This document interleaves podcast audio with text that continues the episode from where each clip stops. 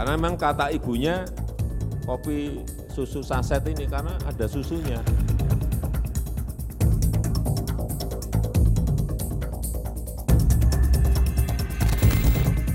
Kelakuan youtuber Ria Ricis beberapa waktu lalu sempat mendapat cibiran banyak warganet.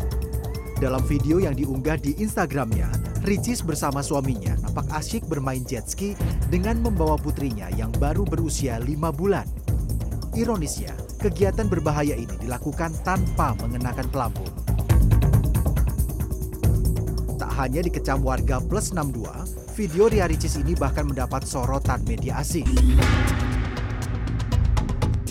Perilaku ibu yang bikin geleng-geleng kepala juga terjadi di Sulawesi Selatan baru-baru ini. Ia membuat konten yang memperlihatkan dirinya memberikan minuman kopi susu instan saset kepada bayinya yang berusia 7 bulan. Unggahan itu disertai tulisan, kopi susu instan diberikan karena mengandung susu ketimbang susu kental manis yang tidak ada susunya. Video ini pun viral dan mengundang banyak kecaman dari masyarakat. Eh, menurut aku sih ya salah ya soalnya kan itu kan dikasih kopi kan emang nggak boleh ya apalagi buat anak-anak di bawah satu tahun ya kalau masalah kopi jangan kan anak kecil kita aja kadang suka sakit gitu kayak lambung gitu. Jangan sembarangan dah buat ibu-ibu gitu. Takutnya gitu anaknya kan kenapa-napa gitu. Kalau menurut saya ya nggak usah yang aneh-aneh gitu kalau untuk bayi apalagi untuk tren segala macam mengorbankan bayi gitu. Tidak hanya warga yang geram, Presiden Republik Indonesia pun turut menyindir tindakan ibu tersebut dalam pembukaan sebuah rapat kerja program nasional Rabu lalu. Hati-hati mengenai ini. Oleh sebab itu sekali lagi yang namanya penyuluhan, penyuluhan, penyuluhan penting. Karena memang kata ibunya bermanfaat, oh ini bermanfaat. Kopi susu saset ini karena ada susunya. Hati-hati bahwa anak ginjal, jantung, lambung itu belum kuat. Menurut psikolog Putri Langka, kekurangan informasi menjadi penyebab banyak orang tua melakukan kesalahan dalam membesarkan anak. Tak dapat dipungkiri, saat ini unggahan media sosial memang bisa mendatangkan uang, termasuk konten bersama sang buah hati.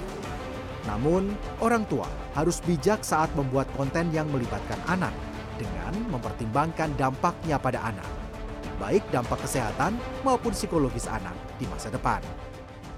Orang tua yang bekerja di bidang itu, atau kalaupun tidak bekerja di bidang itu tetapi ingin melibatkan anaknya dalam media sosialnya, itu harus benar-benar berpikir bahwa ini akibat jangka panjangnya apa nih untuk si anak. Ingat, di sini subjek yang harus kita uh, tempatkan paling tinggi adalah kebutuhan atau kepentingannya si anak. Ya, ini lebih benefit ke mana? Kalau ternyata anaknya nggak punya benefit sama sekali ya nggak usah,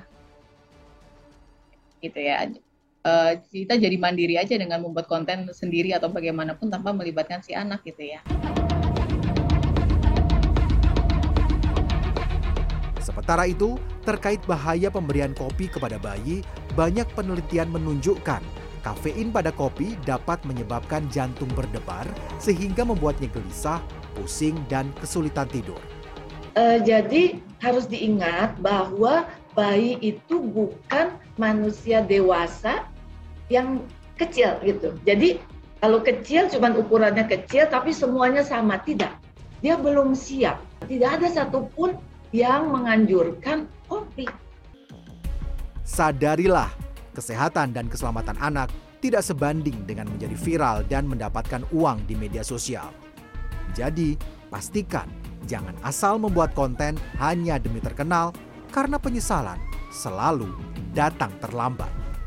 Arya Dita Utama, Surya Utomo, Jakarta.